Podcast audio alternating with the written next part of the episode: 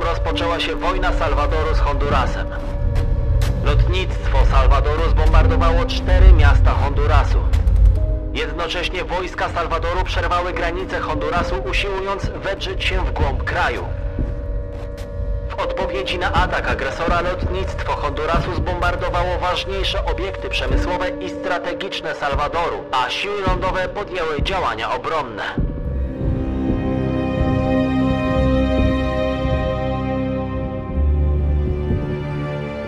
Tak brzmiała treść telegramu wysłanego przez Ryszarda Kapuścińskiego do Polskiej Agencji Prasowej 14 lipca 1969 roku.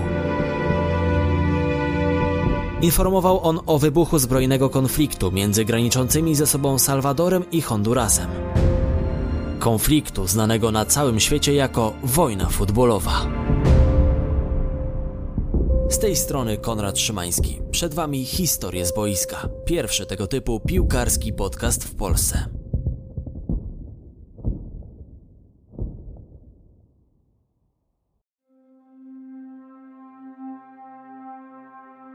Być może już słyszeliście o pewnym meczu piłkarskim, który zapoczątkował wojnę międzypaństwową. To wersja podkoloryzowana, potwierdzająca słynne słowa Billa Shankliego, że piłka nożna to nie jest sprawa życia i śmierci, a coś znacznie poważniejszego. Prawdą jednak jest, że mecz, a konkretnie trzy mecze między reprezentacjami Salwadoru i Hondurasu w eliminacjach do Mundialu w 70 roku miały ogromny wpływ na eskalację konfliktu tlącego się na granicy obu krajów już od dłuższego czasu. Salwador, mimo najmniejszej wśród krajów Ameryki Środkowej powierzchni, miał największą gęstość zaludnienia na całym kontynencie ponad 160 osób na kilometr kwadratowy. Sąsiadujący Honduras zamieszkiwało z kolei o połowę mniej obywateli, mimo dużo większej powierzchni kraju. Salwadorem rządziły arystokratyczne klany obszarnicze, nazywane czternastoma, mające w posiadaniu ogromne obszary ziemskie. W latach 30. XX wieku żyjący w biedzie rolnicy zapragnęli chociaż częściowo przejąć ziemię tak zwanej elity. Ich mała rewolucja zakończyła się masakrą, wspominaną do dziś jako La Matanza, czyli po prostu rzeź. Wojsko krwawo stłumiło zbuntowanych chłopów, dając jasny sygnał: Ziemia należy do czternastu, nie do was. Nadzieja na lepsze jutro czaiła się za dzikimi terenami stanowiącymi granicę z Hondurasem. Jak pisał Kapuściński, Tysiąc właścicieli ziemskich posiada dokładnie 10 razy więcej ziemi niż ma jej łącznie 100 tysięcy chłopów. Dwie trzecie ludności wiejskiej nie ma ziemi. Część bezrolnej biedoty od lat emigrowała do Hondurasu, gdzie było dużo ziemi bezpańskiej. Była to emigracja cicha, nielegalna, ale latami tolerowana przez rząd Hondurasu. Chłopi z Salwadoru osiedlali się w Hondurasie, zakładali wsie i wiedli żywot nieco lepszy niż w swoim kraju. Było ich 300 tysięcy. O ile Salwadorem rządziła grupa 14 klanów, Hondurasem de facto rządziły Stany Zjednoczone, a konkretnie przedsiębiorstwa importujące owoce. Na początku XX wieku prezydent Manuel Bonilla zezwolił na sprzedaż ziemi amerykańskim przedsiębiorcom. Do lat 60. Stany Zjednoczone miały w rękach prawie połowę ziem uprawnych, jakimi dysponował Honduras. Wielkie koncerny, szukając tanich pracowników, uśmiechnęły się do salwadorskich imigrantów, których przecież była w kraju cała masa. To nie spodobało się rodowitym Honduranom, którzy, podobnie jak sąsiedzi z Salwadoru, zaczęli narzekać na brak ziem uprawnych, na których ręce położyło USA. Oddajmy znów głos Kapuścińskiemu. W latach 60. zaczęły się niepokoje wśród chłopstwa Hondurasu, które domagało się ziemi. Rząd uchwalił dekret o reformie rolnej. Ponieważ był to rząd oligarchiczny i uzależniony od Stanów Zjednoczonych, dekret nie przewidywał podziału ziem należących do amerykańskiego koncernu United Fruit, który na terenie Hondurasu posiada wielkie plantacje bananowe.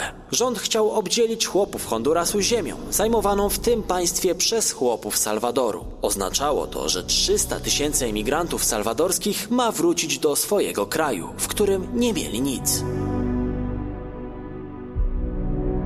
Rozpoczęła się nagonka na Salwadorczyków, którzy z miejsca zostali okrzyknięci przez rządową propagandę głównym czynnikiem hamującym rozwój Hondurasu i przyczyną kryzysu gospodarczego. Odpowiedź rządu w Salwadorze była stanowcza. Kraj nie przyjmie uciekinierów z powrotem. Obawy przed falą wściekłych chłopów, którym najpierw nie pozwolono na uprawę ziem w ojczyźnie, a później odebrano tereny w Hondurasie, były ogromne. Rząd bał się, że rozjuszona grupa będzie gotowa ponownie wywołać rewolucję, mającą na celu wyrwanie ziem z rąk arystokracji. Na wciąż nieuregulowanej granicy robiło się coraz goręcej.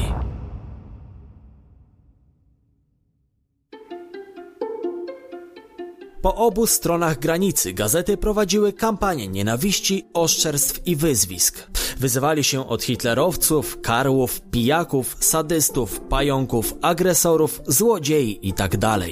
Robili pogromy i palili sklepy. W tych okolicznościach doszło do spotkań piłkarskich między reprezentantami Hondurasu i Salwadoru. Dziś podczas losowania grup eliminacyjnych bądź finałowych wielkich turniejów piłkarskich normą jest wprowadzenie tzw. Tak wyjątków polityczno-geograficznych. Ze względu na napiętą sytuację międzynarodową do jednej grupy nie może trafić dziś Rosja i Ukraina, czy też Armenia i Azerbejdżan. Wówczas jednak FIFA nie zwracała uwagi na to, że mecz między Salwadorem a Hondurasem rozgrywany w takich okolicznościach może zakończyć się tragedią. Końcową fazę eliminacji do mundialu w Meksyku rozgrywano systemem pucharowym. Zwaśnieni sąsiedzi trafili na siebie w półfinale.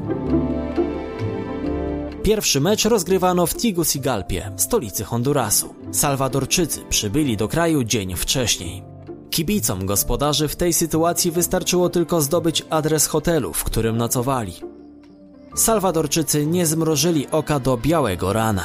Honduranie przez całą noc stali pod oknami hotelu, krzycząc, śpiewając i strzelając petardami. Dochodziło nawet do groźniejszych sytuacji, takich jak rzucanie kamieniami w okna. W dniu meczu reprezentanci Salwadoru byli ledwo żywi, ale piekielnie zmotywowani do walki. Mecz był twardy, pełen fauli i ostrej gry. Salwadorczykom zależało na remisie.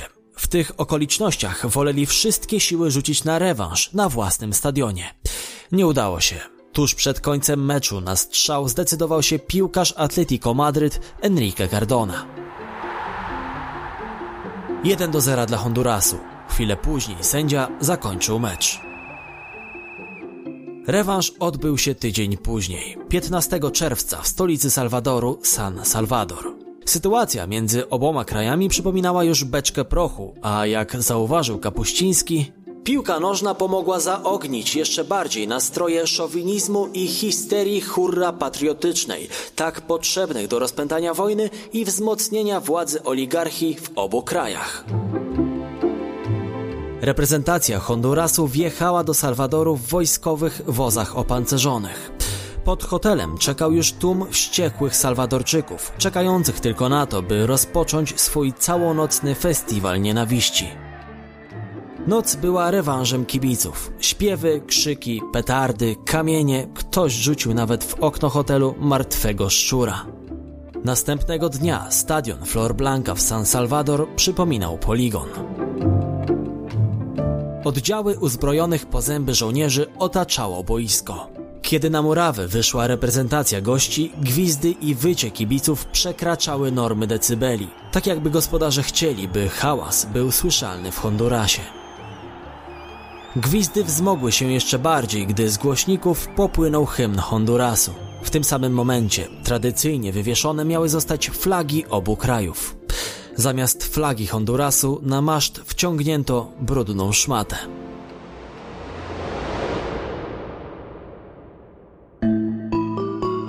Mecz zakończył się łatwym zwycięstwem Salwadorczyków 3 do 0.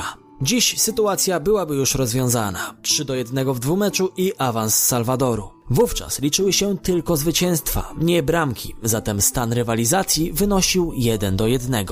Potrzebny był mecz dodatkowy na neutralnym terenie. Padło na Meksyk, z czego nikt, zwłaszcza służby mundurowe tego kraju, nie mogły być zadowolone, szczególnie po tym, co działo się po meczu w San Salvador. To może dziwne, ale ja naprawdę cieszę się, że przegraliśmy. W przeciwnym wypadku podejrzewam, że nie wyjechalibyśmy z Salwadoru żywi. Powiedział trener Hondurasu Mario Griffin. Tuż po gwizdku kończącym mecz Salwadorczycy ruszyli na kibiców gości. Zamieszki przeniosły się na całe miasto. W Hondurasie, gdy dowiedziano się o zamieszkach, w których śmierć poniosły dwie osoby, zaapelowano o to, by wypędzić Salwadorczyków z honduraskich ziem. Zapanował chaos, napięcie sięgało zenitu. 27 czerwca obie reprezentacje były już w stolicy Meksyku, gdzie przygotowywały się do decydującego meczu. W tym czasie Salwador oficjalnie zerwał stosunki dyplomatyczne z Hondurasem. Oznaczało to ni mniej, ni więcej, że wojna zbliża się wielkimi krokami. Mauricio Pipo Rodriguez, pomocnik reprezentacji Salwadoru, powiedział: Uznaliśmy, że wygrana z Hondurasem jest naszym patriotycznym obowiązkiem. Zwyczajnie baliśmy się porażki, bo szczególnie w tych okolicznościach byłoby to plamą na honorze, której nie zmylibyśmy do końca życia. O patriotycznym obowiązku mówił piłkarzom sam prezydent Salwadoru, Fidel Sanchez Hernández, który spotkał się z reprezentacją, by uświadomić, choć to i tak nie było konieczne, co oznacza zwycięstwo nad Hondurasem. Na stadionie kibice obu reprezentacji zostali usadzeni na przeciwnych trybunach. Między nimi zasiadło 5 tysięcy meksykańskich policjantów, stanowiących żywy mur, dzielący obie grupy. Mecz zgodnie z przewidywaniami był brutalny. Wojna między krajami była praktycznie nieunikniona, z czego zdawali sobie sprawę piłkarze obu drużyn. Gdy sędzia zagwizdał, informując o upływie 90 minut, na tablicy wyników nadal nie było zwycięzcy. Remis 2 do 2 i dogrywka. W 101 minucie ostatni decydujący cios wyprowadził Salwadorczyk Mauricio Pipo Rodriguez, strzelając bramkę na 3 do 2. Kiedy trafiłem, byłem pewny, że dowieziemy tę wygraną do końca. Mają już za mało czasu, pomyślałem. Nie wiedzieliśmy wówczas jednego: tego, że decydująca bramka dająca ostateczne zwycięstwo nad Hondurasem zostanie uznana za symbol wojny wojny futbolowej. Niecałe trzy tygodnie później do Warszawy dotarł telegram Kapuścińskiego.